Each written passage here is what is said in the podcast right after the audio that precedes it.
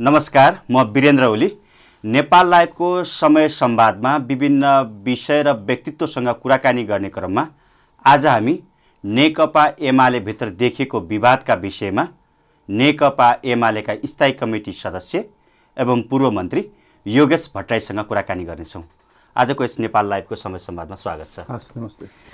जस्तो यो नेकपा एमालेका अध्यक्ष एवं प्रधानमन्त्री केपी शर्मा ओलीले जेठ तिनको पूर्ववत अवस्थामा फर्काउने भनेर सार्वजनिक अभिव्यक्ति पनि दिनुभयो विज्ञप्ति पनि निकाल्नुभयो।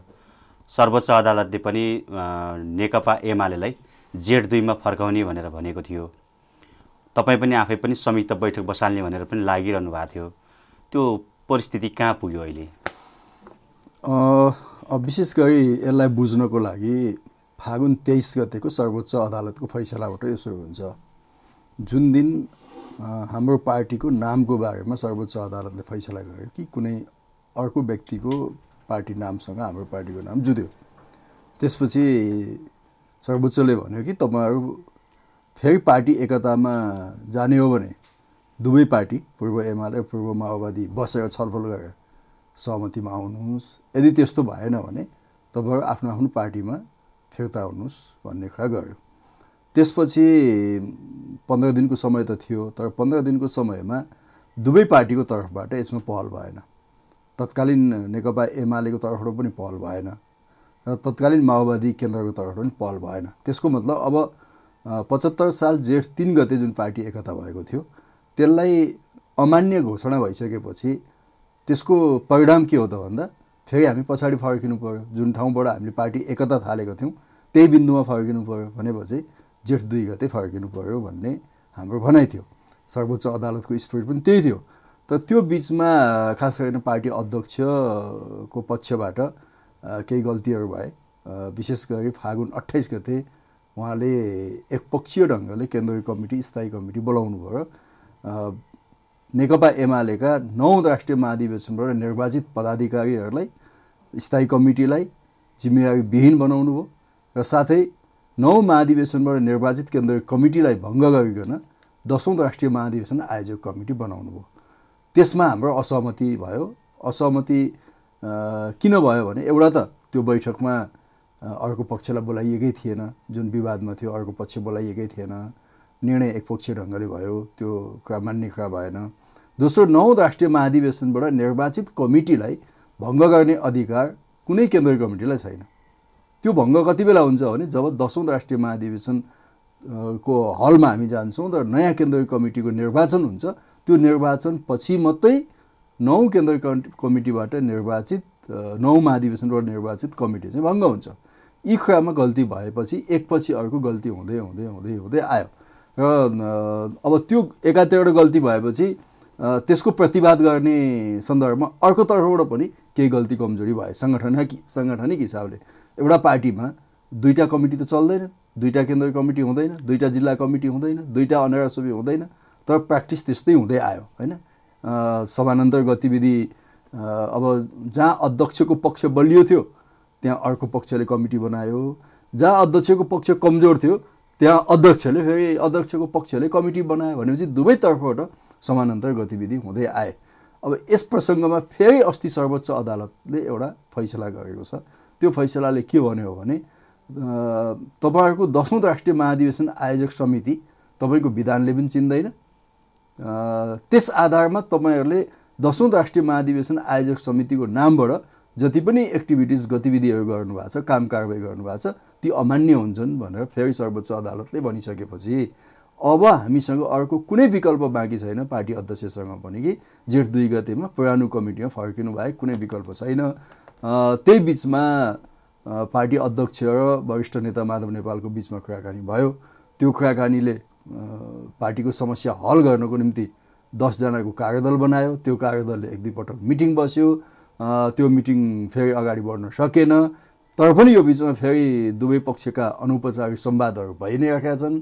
त्यो संवादको क्रममा फेरि पनि दुई गते नै फर्किनुपर्छ भन्ने कुरामा जोड दिइरहँदाखेरि अध्यक्षले अस्ति एउटा छ बुँदे आह्वान पत्र निकाल्नुभयो। जेठ तिन गते अगाडिको परिस्थिति भन्नुभएको छ। त्यसमा अलिकति किटान गरेर जेठ दुई गते भन्नुपर्ने कुरामा त्यो नभनेको हुनाले समस्या हल भएको छैन। त्यो के हो? जेठ तिन भन्नु प्रधानमन्त्रीज्यूले सर्वोच्चले दुई भन्नु यो के हो यो बिचको यो कुरा चाहिँ? जेठ दुई भनेको नेकपा एमालेको नौ राष्ट्रिय महाधिवेशनबाट निर्वाचित एउटा सग्लो कमिटी हो होइन? सग्लो कमिटी हो। त्यहाँ अध्यक्ष केपी हुनु ओली हुनुहुन्छ पाँचजना उपाध्यक्ष हुनुहुन्छ दुईजना वरिष्ठ नेता हुनुहुन्छ एकजना महासचिव हुनुहुन्छ दुईजना उपमहासचिव हुनुहुन्छ पाँचजना सचिव छौँ। त्यसपछि स्थायी कमिटी छ अनि केन्द्रीय कमिटी छ। यो जेठ दुई गतेको कमिटी हो। जेठ तिन गते जाँदाखेरि के भयो त भन्दा नेकपा एमाले र माओवादी केन्द्रको बिचमा पार्टी एकता हुने निर्णय भइसकेको हुनाले हामीले हाम्रा कमिटीहरू यो माओवादीसँगको एकताका निम्ति अगाडि बढ्ने भनेर हामीले केही सदस्यहरू थपेका छौँ। जस्तो त्यसमा सैँतिसजना जति नयाँ केन्द्रीय कमिटीमा थपिनु भएको छ जेठ तिन गते पुग्दा। जेठ तिन गते पुग्दाखेरि हाम्रो पार्टीमा अध्यक्ष केपी ओली रहनुभएको छ। अरू सबै हामी स्थायी कमिटीका सदस्य रहेका छौँ जेठ तिन गते माओवादीसँगको एकता पश्चात मात्रै कमरेड विष्णु पौडेललाई महासचिवमा छानिएको छ। अब यदि उहाँले भनेको जेठ तिन गते जाने हो भने एउटा कम्प्लिकेसन उहाँलाई नै के आइलाग्छ भने अहिले त अब सर्वोच्चको तेइस गतेको फैसलापछि त फागुन तेइस गतेको फैसलापछि त विष्णु पौडेल महासचिव हुनुहुन्न हाम्रो पार्टीमा। महासचिव त ईश्वर पोखरेल पुनर्स्थापित हुनुभयो। यदि अध्यक्षले जेठ तिन गतेको अडान नछोड्ने हो भने फेरि ईश्वर पोखरेल कसरी महासचिव हुन सक्नुहुन्छ? कि त फेरि विष्णु पौडेल आउनु पऱ्यो विष्णु पौडेल आउँदा पनि फेरि कम्प्लिकेसन के हुन्छ भने यो त पार्टी एकता भएपछि नै आएको उहाँ त। नेकपाको पो महासचिव उहाँ। चाहिँ एकताको लागि भन्दा पनि अलि गन्जागोल गर्ने स्थितिमा पुर्या हो कि यो तिन भनेर यो जेठ तिनको पूर्व अवस्था भनेर होइन जेठ तिनमा खास गरिकन एमालेबाट थपिएका सैँतिसजनाको कुरा छ तर त्यस्तै पछि एमाले र माओवादी छुट्टिसके पछाडि माओवादीका स्थायी कमिटी र माओवादीका केन्द्रीय कमिटी तर्फबाट नेकपामा थपिएका कमरेडहरू बादल सहितको केही सङ्ख्या पनि त्यहाँ छ। मलाई लाग्छ कि त्यो त्यति ठुलो कुरा होइन होइन? एउटा भनाइ छ नि बिरालो कालो हुन्छ कि सेतो हुन्छ ठुलो कुरा होइन मुसा मार्नु पऱ्यो भन्ने हो नि होइन? त्यो ठुलो कुरा होइन। प्रमुख कुरा के हो भने एमालेको एकता हुन्छ कि हुन्न भन्ने कुरा हो। यदि यदि एकता हुन्छ भने जेठ दुई गतेलाई बेस लाइन मान्नु पऱ्यो होइन? जेठ दुई गतेलाई बेस लाइन मानेर अरू कतिपय कुराहरू समाधान गर्न नसकिने कुराहरू छैनन् त्यो समाधान गर्नु पऱ्यो तर कहाँ उभिने त? तपाईँको पाइला कहाँ टेक्छ त? त्यो कुरा त प्रष्ट हुनु पऱ्यो नि। त्यही कारणले हामीले भनेको के भने पचहत्तर साल जेठ दुई गते टेकौँ उभियौँ त्यहाँ उभियौँ त्यसपछि बढ्ने त अगाडि नै हो। अगाडि बढ्ने क्रममा हामी अगाडि बढ्दै जाँदाखेरि हिजो के के बन्दोबस्ती गर्दै आएका छौँ ती बन्दोबस्तीहरूलाई पनि सँगसँगै लिएर जाउँला मिलाउँदै लिएर जाउँला। भन्ने कुरा हामीले गरेको हो। त्यसमा अध्यक्षको पनि त्यस्तो ठुलो फन्डामेन्टल्ली त्यो डिफ्रेन्सेस छ जस्तो मलाई लाग्दैन। अलिकति त्यसलाई उहाँले आफ्नो तर्फबाट केही प्लिटहरू गर्नुभएको देखिन्छ।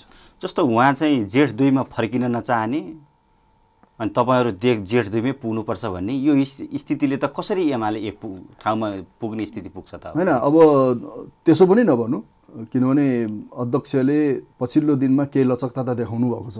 होइन छ बुँदे त्यो त सर्वोच्च अदालतमा संसद पुनस्थापना हुने भइसकेपछि आफ्नो पद जोगाउनलाई गरिएको पो भन्छन् त। अनि त्यो भन्नेहरूलाई छोडिदिउँ अब त्यो टिप्पणीप्रति मलाई केही भन्नु छैन।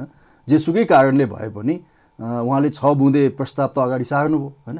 त्यो छ बुँदे प्रस्ताव चाहिँ मेरो विचारमा के छ भने त्यसको इसेन्स चाहिँ नै एकतातिर मुख फर्काएको चाहिँ छ होइन? त्यही भएर स्वागत पनि गर्नुभएको। होइन मैले त्यसलाई सकारात्मक भने मुख फर्काएको छ अब मुख फर्काउँदैमा त्यो अगाडि बढ्छ त भन्न सकिँदैन नि। फेरि पाइला त हिँड्नु पऱ्यो नि। मुख देखाएर मात्रै त भएन। पाइला हिँड्नु पऱ्यो अब त्यसले टेकेर हिँड्छ कि हिँड्दैन? त्यो बेग्लै कुरा हो। तर त्यतातिर फर्केको चाहिँ हो होइन? र त्यसमा मलाई लाग्छ कि त्यति धेरै डिफ्रेन्सेसहरू छैनन्। र अरू कतिपय कुराहरू मिल्ने हो भने यो जेठ दुई गते जुन एउटा मैले अघि पनि भने बेस लाइन मान्ने हो त्यो बेस लाइन मान्ने कुरामा अध्यक्ष सहमत हुनैपर्छ त्योभन्दा अर्को विकल्प छैन। जस्तो अब जेठ दुईमा फर्केर मात्रै हुँदैन भनेर माधव नेपाल पक्षकाले पनि भनिरहनु भएको छ तपाईँ पनि त्यतै हुनुहुन्छ। प्याकेजमा सहमति गर्नुपर्छ अब। यदि गर्ने हो भने संयुक्त बैठक बस्ने कुराले मात्रै अर्थ छैन अब किनभने विवाद यथावतै रहन्छ। शीर्ष नेताहरूबिच प्याकेजमा सहमति गर्नुपर्छ भनिरहनु भएको छ। ठिक छ त्यो त के हो त्यो प्याकेजमा? के गरेपछि? प्याकेज भनेको के हो राम्ररी बुझाएको छैन होइन? अब पहिलो काम हामीले उठाउँदै आएको फागुन तेइस गतेपछि लगातार हामीले राष्ट्रिय कार्यकर्ता भेला गऱ्यौँ विभिन्न मिटिङहरू गऱ्यौँ। ती सबै मिटिङ र भेलामा पार्टी एकताको आधारको पहिलो मुद्दा नै पचहत्तर साल जेठ दुई गतेको पार्टी कमिटीलाई फर्काउने र त्यहाँबाट अगाडि बढ्ने भन्ने नै छ। अब अहिलेसम्म कमरेड माधव नेपालको तर्फबाट त्यसमा थप अरू कन्डिसन प्रस्तावहरू राखेको मलाई थाहा छैन होइन? अब स्वाभाविक हो नि जेठ यो फागुन तेइसपछि अहिले हामी जेठको कति गते आइसक्यौँ तिन चार गतेतिर आइसक्यौँ होइन? असारको तिन चार गतेतिर आइसक्यौँ। त्यसो हुँदा यो बिचमा पाँच छ महिनामा अरू थुप्रै घटनाहरू त घटेका छन् नि। ती घटनाहरूको सन्दर्भमा पनि एउटा समान दृष्टिकोण बनाऊ भन्न खोजेको हो। चाहे त्यो प्याकेजको कुरा गर्नुहोस् अथवा होलसेलको जेसुकै कुरा गर्नुहोस् त्यो भनेको एउटा प्याकेज भने पनि यो बिचका घटनाक्रमहरूलाई पनि हामीले समीक्षा गर्नु पऱ्यो जस्तो भनौँ न संसद फेरि विघटन भयो यो ठिक कि बेठिक? होइन त्यो पनि हेर्नु पऱ्यो अब संसद विघटन पछाडि नेकपा एमालेको केही मान्य साथीहरूले अदालतमा मुद्दा हाल्न जानुभएको छ राष्ट्रपतिको अर्को दावा पेस गर्न जानुभएको छ त्यसलाई कसरी हेर्ने होइन? त्यसपछि यो बिचमा पार्टीका अन्य घटनाहरू पनि घटेका छन् त्यसलाई कसरी मूल्याङ्कन गर्ने? एक साथै विगतको मात्रै कुरा होइन कि आउने दिनमा हाम्रो पार्टी नेकपा एमाले कसरी एकताबद्ध भएर जान्छ त? होइन? एकताबद्ध हुने आधार के हो त भन्दा फेरि पनि नौ राष्ट्रिय महाधिवेशनको नीति कार्यक्रम विधान सिद्धान्त नेतृत्व होइन? आजसम्म अब दसौँ राष्ट्रिय महाधिवेशन नहुँदासम्म त हाम्रो एकताको आधार त्यही हो। भनेपछि त्यो एकताको आधारलाई चाहिँ बलियो गरी हामी दुवै पक्षले समाउँछौँ। त्यसप्रति हामी प्रतिबद्ध छौँ। भन्ने कुरा माधव नेपालको तर्फबाट पनि पार्टी अध्यक्षको तर्फबाट पनि प्रतिबद्धता जनाउनुपर्छ सायद यिनै कुरालाई त्यो प्याकेज भन्न खोजिएको पनि हुनसक्छ। जस्तो यता अब तपाईँहरूको तिन र दुईमा अड्किरहेछन् यसमा माओवादीहरूको पनि अलिक धेरैले समस्या निम्ति हो माओवादी उहाँहरूले कुनै समस्या खडा गरेको मलाई लाग्दैन होइन? अब माओवादीको स्थायी कमिटीमै हुनुहुन्थ्यो। पछि नेकपाको स्थायी कमिटीमै हुनुभएको साथीहरू नै कमरेडहरू नै नेकपा एमालेमा समाहित हुनुभएको छ। यसलाई समस्या ठान्नु हुँदैन हामीले। यो त हाम्रो अवसर हो नि। जब हामी नेकपा एमाले हुँदैछौँ भने अरू पार्टीबाट धेरैभन्दा धेरै मान्छे आउन् भन्ने चाहना हामी राख्छौँ नि। काङ्ग्रेसबाट पनि आउन् किन माओवादी माओवादीबाट मात्रै? होइन? अब भोलि हामी फेरि चाहिँ नेकपालाई एमालेलाई एकताबद्ध गरेर फेरि एउटा चाहिँ वामपन्थी एकताको स्टेपमा पनि जान सक्छौँ नि। त्यो ढोका त हाम्रो बन्द भएको छैन होइन? त्यो ढोका पनि खुल्लै छ भनेपछि हामीले अलिकति विशाल उदार दिलबाटै जानुपर्छ। जस्तो अब केही राजनीतिक विश्लेषकहरूसँग पनि कुराकानी गर्दाखेरि के भन्नुभएको छ भने दुई दुईचोटि संसद विघटन गर्नुभएको छ संविधानमाथि हमला गर्नुभएको छ लोकतन्त्रमाथि हमला गर्नुभएको छ तर मैले अपेक्षा गरेका नेकपा एमालेका चारजना तपाईँसहित चारजना नेताहरू हुनुहुन्थ्यो। उहाँहरूको बिचधारमा बसिदिँदाखेरि चाहिँ चाहिँ मलाई उनीप्रति जे अपेक्षा थियो त्यो अपेक्षा घट्यो भन्नुभएको छ। होइन त्यस्तो? हामीलाई जुन आन्दोलनमा नैतिक हिसाबले अरू विभिन्न हिसाबले सहयोग गरेको बुद्धिजीवीहरूको मिडियाको एउटा ठुलो पङ्क्ति छ। अब त्यो पङ्क्तिको अपेक्षा कतिपय हामीले पुरा गर्न सक्छौँ अथवा सक्दैनौँ त्यो आफ्नो ठाउँमा छ। किनभने हामी फेरि स्वतन्त्र त होइनौँ। हामी त नेकपा एमालेका सदस्य हौँ होइन? हामी त्यहाँ बाँधिएका छौँ नि। स्वतन्त्र नागरिक भएको भए हामी आफ्नो विचार विवेकहरू भिन्नै ढङ्गले प्रस्तुत गर्न सक्थ्यौँ। हामी नेकपा एमालेको विधानलाई मानेर हाम्रो व्यक्तिगत स्वतन्त्रतालाई एमालेको स्वतन्त्रतासँग अनुबन्धित गरेका छौँ। कि यो कुरा बुझ्नुपर्छ? हाम्रो चाहिँ बुद्धिजीवी साथीहरूले होला उहाँहरूलाई केपी ओलीसँग रिस उठेको छ होइन अरू कसैसँग रिस उठेको छ। त्यसो हुँदा एमालेबाट विद्रोह भएर अर्को एउटा पार्टी बन्यो हुन्थ्यो। राम्रा मान्छेहरू त्यो पार्टीमा आएर चाहिँ एउटा पार्टी बनायो हुन्थ्यो भन्ने उहाँहरूको चाहना हुनसक्छ। त्यसलाई मैले अन्यथा मान्दिनँ। तर म एमालेको एउटा सदस्यको रूपमा मैले के हेर्छु भने पहिलो कुरा त एमाले एकता कसरी हुन्छ म त्यो हेर्छु नि। मैले एमाले विभाजन मेरो पहिलो कर्तव्य होइन कि? मेरो पहिलो काम एमालेको विभाजन होइन। पहिलो काम मेरो नेकपा एमालेको एकता हो। त्यो एकता कसरी बच्छ त? मैले त्यहाँबाट हेर्छु। हो जब एमालेको एकता बच्छ भौतिक हिसाबले त्यसपछि राजनीतिक र वैचारिक सैद्धान्तिक हिसाबले पनि एमालेलाई त्यसपछि प्रष्ट बनाउँदै हामी लान्छौँ होइन? अब जस्तो भनौँ न पुसमा संविधान सभाको ए प्रतिनिधि सभाको विघटन भयो फेरि पनि विघटन भयो। मलाई लाग्छ यी दुवै विघटनहरू संविधान संविधान त ती गलत छन्। गलत छन् होइन? तर आज अब अध्यक्षले त त्यो विभाजनको पक्षमा वकालत गरिनु भएको छ। हामी विपक्षमा वकालत गरेका छौँ। अब एउटा पार्टीमा हामी कसरी सँगै बस्छौँ त? बाहिरबाट हेर्दा त त्यो देखिन्छ। तर पार्टी भनेकै त्यही हो कि होइन? तपाईँ फरक मतहरू भिन्न मतहरू पनि त्यहाँभित्र बस्न सक्छ। त्यो पार्टी मानु मानु न। भोलि पार्टीको महाधिवेशनले अथवा हामी एकताबद्ध भएर पनि पार्टीको केन्द्रीय कमिटीले पौष पाँच गतेको विघटन पनि गलत थियो। अहिलेको पनि विघटन गलत थियो भन्न सक्छ नि। त्यति बेला अध्यक्षले होइन? जतिसुकै यो सही छ भने पनि त केन्द्रीय कमिटीले अथवा पार्टीको बहुमतले यो गलत छ भन्यो भने अध्यक्षले त्यो मान्नुपर्छ। मानौँ हाम्रो केन्द्रीय कमिटीले यी दुवै विघटनप्रति एउटा सहानुभूति देखायो भने मैले आफ्नो फरक मतहरू राख्छु होइन? यी विघटन गलत थिए भन्ने राख्छु। तर पार्टीको निर्णयलाई मानेर हामी जान्छौँ। यदि यो पार्टी सिस्टमलाई हामीले मानेनौँ भने त पार्टी भन्ने चिजै कहाँ हुन्छ र? कस्तो हुन्छ त पार्टी? होइन? त्यस कारणले हामीले पाँचौँ महाधिवेशनमा जुन नेकपा एमाले एउटा जनताको बहुदलीय जनवाद हामीले अगाडि सार्यौँ नि त्यो जनताको बहुदलीय जनवादको इसेन्स के हो भने पार्टीभित्रको पनि लोकतान्त्रिकरण हो। पार्टीको लोकतान्त्रिकरण हो। पार्टीको लोकतान्त्रिकरण भनेको के हो भने पार्टीको नेतृत्व पार्टी सदस्यबाट निर्वाचित हुन्छ। पार्टीको सार्वभौम सत्ता पार्टी सदस्यमा निहित हुन्छ। पार्टीभित्रमा चाहिँ विभिन्न विचारहरूले स्वतन्त्रतापूर्वक आफ्ना विचारहरू राख्न पाउँछन्। विभिन्न व्यक्तिहरूले त्यस बापत उनीहरूलाई दण्डित गरिँदैन विचार राखेको आधारमा दण्डित गरिँदैन र पार्टीले बहुमतले पास गरेको विचारको खिलाफमा अर्को कुनै विचार छ भने पनि त्यसलाई सम्मान गरिन्छ त्यो फरक मत हुन्छ तर त्यसलाई पनि पार्टीव्यापी छलफलमा लगिन्छ।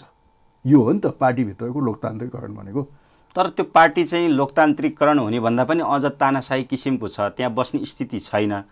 तर त्यहाँभित्र भएको चारजना तपाईँहरू हुनुहुन्छ त्यो चौन्न सालको भूतले बढी तर्साइराखेको छ र करियरिस्ट करियरिस्ट भए अलि राजनीति देश मुलुक समाजलाई हेर्ने भन्दा पनि भन्ने छ। होइन यो अब चौन्न साललाई अहिले त्यति बेला चाहिँ एमाले एक्लै थियो? अहिले त माओवादी छ अब काङ्ग्रेस त्यो चौन्न सालको चाहिँ बाट विभाजन भएको मालेबाट पछि एमाले भएको साथीहरू पनि अहिले हामी विभिन्न ठाउँमा छौँ होइन?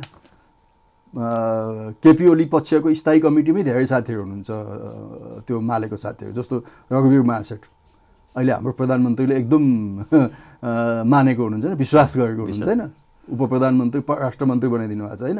उहाँ माले हो होइन सत्यनारायण मण्डल हुनुहुन्छ त्यहाँ प्रदेश दुईमा हाम्रो अध्यक्षले एकदमै मन पराउनुहुन्छ होइन अहिले। उहाँको मेन खम्बा हो त्यहाँ प्रदेश दुईको। उहाँ माले हो। गण्डकी प्रदेशमा अर्थमन्त्री हुनुहुन्थ्यो किरण गुरुङ। अहिले पार्टी अध्यक्षको पक्षमा एकदमै उभिनु भएको छ। उहाँ माले हो होइन। तर त्यति बेला माले भएका घनश्यामजी र म मात्रै छौँ कि जो अध्यक्षको पक्षमा छैनौँ। वामदेव कमरेड अलग्गै बस्नु भएको छ होइन? नत्र भने स्थायी कमिटीमा भएका हामी पाँच छजना मध्ये अधिकांश केपी ओलीकै पक्षमा छ।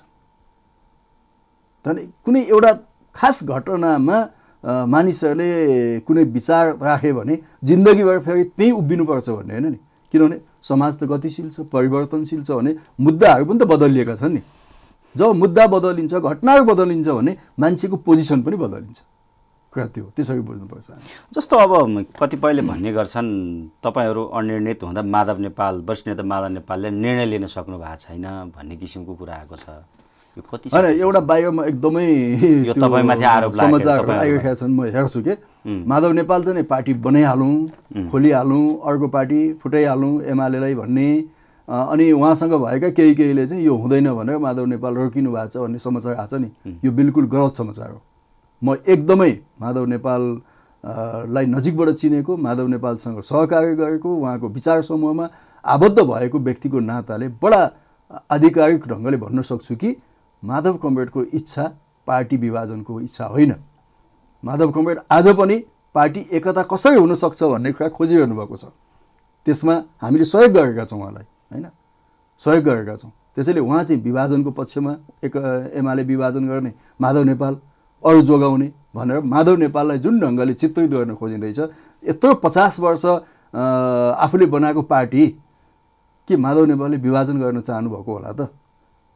माधव नेपालले बनाएका सदस्यहरू आज स्थायी कमिटीमा छन्। माधव नेपालले पार्टी सदस्यता दिएका मानिसहरू स्थायी कमिटीमा तर- छन् माधव नेपालले पार्टी सदस्यता दिएका मान्छे मन्त्री छन्। माधव नेपालले पार्टी सदस्यता दिएका मान्छे तमाम ठाउँमा आज चाहिँ पार्टीको जिम्मेवारीमा छन् ती मान्छे माधव नेपालले बनाउनु भएको हँ? र यो देशमा ठुल्ठुला अप्ठ्यारो परिस्थितिमा माधव नेपालले पार्टीलाई लिड गरेर आउनुभएको छ। मदन भण्डारीको हत्यापछि पार्टी एउटा सङ्कटमा थियो त्यो बेला उहाँले लिड गर्नुभएको छ। माओवादीको दस वर्षको हिंसालाई शान्तिपूर्ण ढङ्गले रूपान्तरण गर्नमा नेकपा एमालेको महासचिवको रूपमा उहाँले महत्त्वपूर्ण भूमिका खेल्नु भएको छ। त्यो बेला उहाँले अनेक राजनीतिक शक्तिहरूसँग अन्तर्राष्ट्रिय समुदायसँग संवाद गर्नुभएको छ। त्यसमा उहाँको भूमिका छ। संविधान निर्माणमा उहाँको भूमिका छ। होइन? यी तमाम भूमिका खेलेर यत्रो पार्टी जनआधारित पार्टी बनाएको नेताले होइन थपक्क न यो पार्टी अर्कालाई बुझाएर अर्को कुनै पार्टी बन्नु जान्छ? जाँदैन। त्यस कारण माधव नेपाल कमरेडप्रतिको बुझाइ यदि त्यो हो भने उहाँप्रति अन्याय हुन्छ। जस्तो अब तपाईँहरूकै पक्ष कतिपय नेताहरूले भन्नुहुन्छ पार्टीले निर्णय गरे होइन उहाँहरू यसो बस्नलाई सम्बन्ध नबिगार्नसम्मको लागि मात्रै संवाद गरिरहनु भएको छ। त्यो एकताका लागि होइन किनकि गाडी धेरै छुटिसक्यो भनेर पनि भन्नुभएको छ। अनि गाडी त फर्किने ठाउँ पनि हुन्छ नि। गाडी छुटे पनि त फर्किने ठाउँ हुन्छ होइन? युटर्न गर्छ घुम्ती हुन्छ ब्याक गर्ने गियर हुन्छ गाडीका त धेरै हुन्छ नि। तर अब तपाईँहरूले त्यसरी भनिराख्दाखेरि अब माधव नेपालको विषयमा अब विष्णु रिजालले पनि छोडिदिनु भयो तपाईँको पनि बिचमा अलिकति बालुवाटारतिर हो कि कोटेश्वरतिर हो भन्ने किसिमको पनि कुरा आइरहेको छ म यो प्रसङ्गमा भनिहाल्छु। नौ महाधिवेशनबाट निर्वाचित पछि केन्द्रीय कमिटीमा थपिएका थुप्रै साथीहरूले आफ्नो विचार समूह बदल्नु भएको छ। मलाई एक्ज्याक्ट थाहा छैन करिब दसजना केपी ओलीसँग नजिक विचार समूह भएका साथीहरू अहिले माधव नेपालसँग हुनुहुन्छ। नौ महाधिवेशनको बेला जो केपी ओलीसँग लागेर जित्नुभएको थियो। जस्तो भनौँ न तपाईँलाई नामै दिन्छु एकजना मुकुन्द नेउपाने स्थायी कमिटी सदस्य हुनुहुन्छ। उहाँ केपी ओलीलाई अध्यक्ष बनाउन होइन दिलो ज्यान दिएर लागेको मान्छे हो नि। तर उहाँ आज केपी ओलीसँग हुनुहुन्न। वामदेव गौतम सायद उहाँ आफू अध्यक्ष उठेको भए पनि त्यति खट्नुहुन्थेन होला। त्यति खटेर केपी ओलीलाई अध्यक्ष बनाउन हिँड्नुभयो। आज उहाँ केपी ओलीसँग हुनुहुन्न। यस्तै अरू कतिपय साथीहरू छन् सबैको नाम भन्न लिउँ होइन? करिब दसजना महाधिवेशन र महाधिवेशन पछि केन्द्रीय कमिटीमा आएका साथीहरू केपी ओलीसँग छैनन्। केपी ओलीको विचार समूहका साथीहरू। माधव नेपालको विचार समूहबाट जितेका पनि त्यस्तै सङ्ख्यामा केपी ओलीको विचार समूहतिर होलान्। यो यो एउटा पार्टी पहिलो कुरा त हामी के बुझ्नुपर्छ भने आज नेकपा एमालेमा कोही माधव नेपाल विचार समूहमा कोही केपी ओली विचार समूहमा जानुको मतलब त्यो हामी एउटै हाँडीभित्रको भुटिराखेका मकै हौँ कि होइनौँ हेराउनु पऱ्यो नि त हामीले। हामी कहाँ जान्छौँ त? त्यहीँ ठोक्किने त हो नि। त्यहीँ ठोकिएर त फुल उठ्छ होइन भित्र हाँडीमा। एकअर्कामा ठोकिन्छ होइन। ठोकिन्छ। ठोकिन्छ फुल उठ्छ त्यस कारणले गर्दा त्यसलाई अन्यथारूपमा लिनु हुँदैन। अनि एउटै पार्टीमा म काङ्ग्रेसमा पसे पो अनौठो मान्नुहुन्छ तपाईँले होइन? मान्नु न म चाहिँ राजावादी भएँ। त्यो पो अनौठो हो। अब कसरी बुझ्ने? अब तपाईँलाई चाहिँ अब लामो समय माधा नेपाल पक्ष भनिएको थियो पछि यो स्थिति कसरी बुझ्ने त? म पार्टी कुन पक्षको भनेर बुझ्ने त्यसरी मान्छे यो पक्षको हुनैपर्छ भन्ने के छ? होइन मान्छे आफ्नो पक्ष हुन्छ नि। म आफ्नो पक्ष भएर न माधव नेपाल पक्ष भएको हो। होइन म आफ्नो पक्ष भएर न केपिओलाई मैले अध्यक्ष मानेको हो। त्यस कारण मान्छे सबभन्दा पहिले स्वतन्त्र हुन्छ। यो कुरा बुझ्नु पऱ्यो हामीले। यदि यो बुझ्दैनौँ भने हामी मार्क्सिस्ट होइनौँ होइन? यदि यो बुझ्दैनौँ भने हामी मान्छेको स्वतन्त्रताको निम्ति किन लड्छौँ होइन? तर मान्छेले नागरिकको हिसाबले एउटा व्यक्तिको हिसाबले स्वतन्त्र हुन्छ जब ऊ कुनै ठाउँमा आबद्ध हुन्छ जब ऊ नेपालमा जन्मिन्छ नेपाली नागरिक हुन्छ नि जब नेपाली नागरिक हुन्छ भने उसले नेपालको संविधान मान्नुपर्छ नेपालको कानुन मान्नुपर्छ र उसले आफ्नो सार्वभौम सत्ता नेपालको समग्र सार्वभौम सत्ताको अधीनस्थ राख्छ। जुन कुरा अघि मैले तपाईँलाई निवेदन गरेँ पार्टीभित्र पनि व्यक्ति स्वतन्त्र हुन्छ तर उसले आफ्नो स्वतन्त्रता कहाँ अनुबन्धित गर्छ त भन्दा पार्टीसँग अनुबन्धित गर्छ। कुरा त्यति हो कि? सम्बन्धहरू यसरी बुझ्नु जस्तो अहिले अलिक कुरा पनि आउने गर्छ होइन? अब धेरै प्रश्नहरू पनि छन्। जस्तो हामीले चाहिँ एकता गर्नुपर्छ एमाले ओलीसँगै तर त्यहाँ गएर हामीले पार्टी कब्जा गर्ने हो भनेर चाहिँ योगेश भट्टराईले भन्नुहुन्छ भन्ने यो हाम्रो त्यो फुटाएर एक्लै गराउनु हुँदैन कब्जा भनेको पूर्व हाम्रो माओवादी साथीहरूको भाषा हो यो। कब्जा कहीँ पनि हुँदैन के? कब्जा भन्ने हुन्छ पार्टी भनेको कब्जा होइन नि त। पार्टीमा क्रियाशील हुने हो होइन? मैले भनेको के हो भने आजको दिनमा एमालेको विभाजन किन औचित्यपूर्ण छैन भनेर मैले भनेको के? किन छैन भने यो खालि केपी ओलीसँग माधव नेपालसँग कुनै तनाव भयो अथवा कुनै विचारमा मिलेन भन्ने आधारमा मात्रै विभाजनको पुष्टि हुँदैन। कुरा के हो भने आज एमाले कसको प्रतिनिधित्व गर्छ नेपालमा भन्दा? ने नेकपा एमाले व्यापक मिडल क्लासको र त्योभन्दा तल्लो क्लासको मूलत होइन? मूलत मिडल क्लासको त्यसपछि तल्लो क्लास। ठुलो सङ्ख्या मिडल क्लास छ सानो सङ्ख्या तल्लो क्लास। त्यसको प्रतिनिधित्व गर्छ। अर्कोतिर यसले माथिल्लो वर्गका पनि देशभक्तहरूको प्रतिनिधित्व गर्छ होइन? देशभक्त राष्ट्रवादीहरूको प्रतिनिधित्व गर्छ। विचारमा यो समाजवादी छ। यो यो एउटा देशभक्तिपूर्ण आन्दोलनबाट आएको पार्टी हो। यसले जनजीविकाको सवाल उठाउँछ यसले लोकतन्त्रको सवाल उठाउँछ यसले समाजवादको कुरा गर्छ यसले श्रमजीवी जनताको हितको कुरा गर्छ। भनेपछि यो पार्टी विभाजन भयो भने के के कुरामा घाटा छ? हाम्रो देशभक्तिपूर्ण आन्दोलनलाई घाटा छ। किनभने यो पार्टी भनौँ न एकाध घटनाहरू छोडिदिउँ तर छ सालदेखि आजसम्म आउँदा मेजर नेपालको राष्ट्रियताको मुद्दामा सबभन्दा पिल्लर सबभन्दा खम्बा बनेर उभिने भनेको कम्युनिस्टहरू हुन्। र पछिल्लो दिनमा नेकपा एमाले हो यदि एमाले विभाजन भयो भने हाम्रो राष्ट्रियता कमजोर हुन्छ। किनभने यति व्यापक जनआधार भएको पार्टी विभाजित भयो भने विदेशीहरूको चलखेल अरूको चलखेल यहाँ बढ्न थाल्छ होइन? त्यसलाई त हामीले छेक्या छौँ नि कमसेकम छेक्या छौँ। त्यो त्यो हुन्छ। जेसुकै भने पनि एउटा लोकतन्त्रको पक्षमा अनवरत रूपमा लड्दै आएको पार्टी हो होइन? नेकपा एमाले होइन? जब एमाले विभाजित हुन्छ भने हाम्रो लोकतन्त्र खतरामा पर्छ राष्ट्रियता खतरामा पर्छ जनजीविकाका मुद्दाहरू खतरामा पर्छन् समाजवादको यात्रा खतरामा पर्छ। खतरामा पारि नै सक्नुभयो त हो पार्टीभित्र कहिले के हुन्छ भने पार्टीभित्र कहिले काहीँ के हुन्छ भने नेतृत्वले गलत विचार बोक्न सक्छ। त्यसको मतलब सिङ्गो पार्टी एकदम गलत दिशामा छ भन्ने होइन नि। त्यो नेतृत्वले कहिलेकाहीँ गलत मुद्दा बोकिरहँदाखेरि त्यसलाई सच्याउने हो त्यसलाई रूपान्तरण गर्ने हो। पार्टीभित्र के हुन्छ भने हामी मार्क्सिस्टहरूले के बुझ्नुपर्छ भने एकता हुन्छ सङ्घर्ष हुन्छ। हरेक ठाउँमा छ नि त्यो त। कुनै कुनै सङ्घर्षहरू विभाजनको निम्ति हुन्छन्। कुनै कुनै सङ्घर्षहरू एकताका निम्ति हुन्छन्। आज एमाले भित्रको सङ्घर्ष विभाजनको निम्ति होइन। एमाले भित्रको सङ्घर्ष एकता अनि रूपान्तरणको निम्ति हो। एमालेलाई योभन्दा अझै उन्नत लोकतान्त्रिक पार्टी बनाउन एमालेलाई योभन्दा अझै उन्नत देशभक्तिपूर्ण आन्दोलनमा अग्रसर गराउन र एमाले भित्र देखिएका कतिपय गैर चाहिँ राजनीतिक चरित्रहरूलाई चाहिँ सच्याउन र एमालेलाई एउटा चाहिँ पोलिटिकल साँच्चै पोलिटिकल क्यारेक्टरको पार्टी बनाउन हाम्रो सङ्घर्ष हो। विभाजनको लागि होइन। जस्तो यो पछिल्लो समय लागेको भन्ने गरेको टिप्पणी गर्ने गरेको तपाईँलाई चाहिँ ईश्वर पोखरेललाई भावी महाधिवेशनबाट अध्यक्ष र महासचिवको लागि तयारी गर्नुभएको छ भने भन्ने गर्छन्। यस्ता प्रश्नहरू धेरै आउँछन् हेर्नुहोस्। अहिले अहिले त्यस्तो कुरा चाहिँ नि कुनै काहीँ त्यो कुनै कुरामा पनि छलफल पनि भएको छैन होइन? हाम्रो दसौँ राष्ट्रिय महाधिवेशनमा को अध्यक्ष उठ्छ? अब सामान्यतया मेरो भनाइ के हो त्यसमा भने पार्टीका अग्रनेताहरू होइन? जो आजसम्म पार्टीलाई यहाँसम्म ल्याउनु भयो मुख्य नेता भएर नेतृत्व गर्नुभयो अब उहाँहरूले हाम्रो अभिभावकत्वको भूमिका लिनुहोस् होइन? अब तपाईँहरू सक्रिय राजनीतिबाट होइन? एउटा चाहिँ नि अभिभावकको ठाउँमा तपाईँहरू जानुहोस् अरू पुस्तालाई दिनुहोस्। त्यो त हाम्रो विधानले पनि भनेको छ। सत्तरी वर्षपछि त पार्टीको कार्यकारी ठाउँमा आउनु पाउँदैन भनेर हाम्रो विधानले भनेको छ भने चाहिँ स्वाभाविक त्यो विधान लागू भयो भने त होइन? अब यो नाम चलेका चार पाँचजना नेताहरू त उठ्न पाउनुहुन्न उहाँहरू। उहाँहरू त बिदा लिनै पर्छ। त्यसपछि को आउँछ त? भन्दा त्यो पार्टी अध्यक्षको पद त खाली हुँदैन। कोही न कोही त आइहाल्छ। कोही न कोही त त्यहाँ प्रतिस्पर्धा गरिहाल्छ।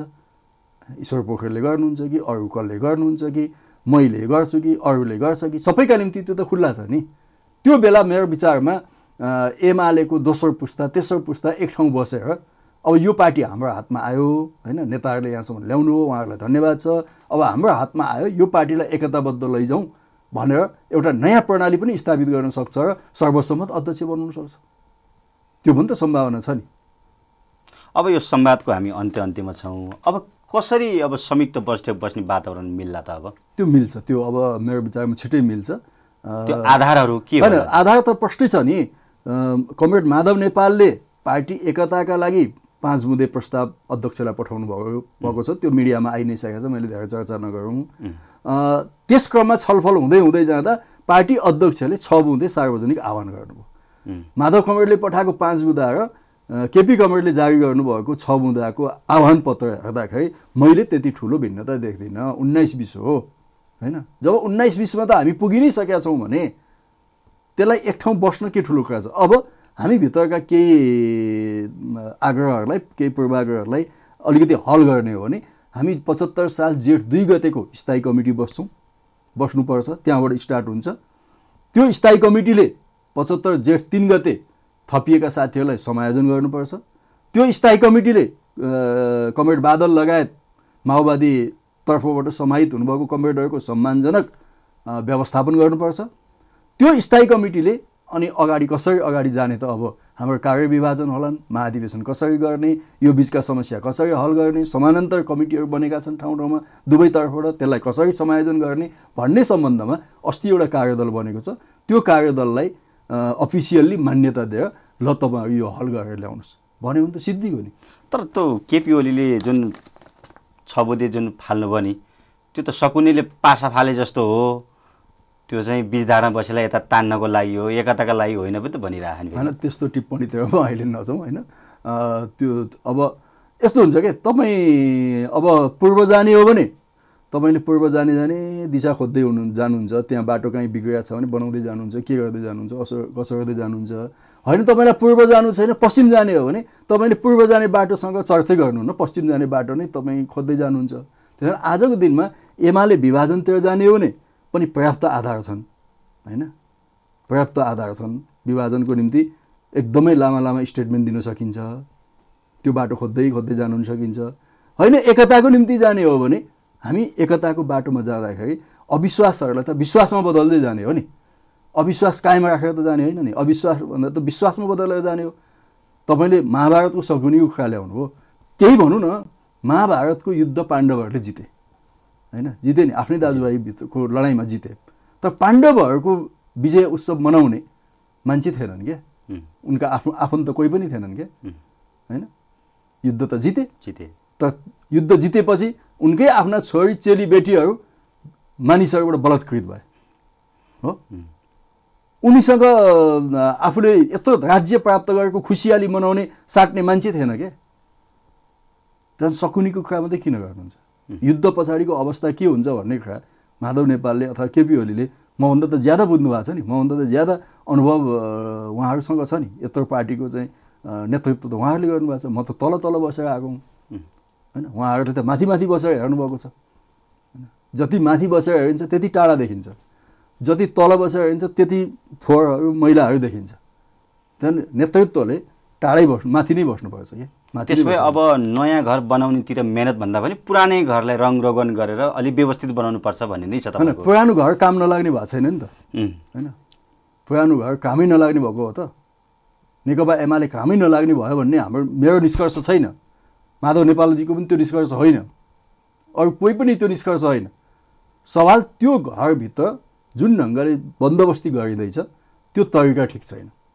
घर ठिक नभएको होइन त्यो तरिका ठिक छैन। केही मान्छेको। केही मान्छे हो खास गरेर नेतृत्वकै भनौँ न पार्टी अध्यक्षकै भनौँ न? अरूलाई किन हामी दोष दिने? मुख्य मुख्य मुख्यकै कुरा गरौँ न होइन? पार्टी अध्यक्षले जसरी पार्टीलाई एकताबद्ध बनाउने कुरामा पहल कदमी लिनुभयो थियो त्यो लिनु भएन।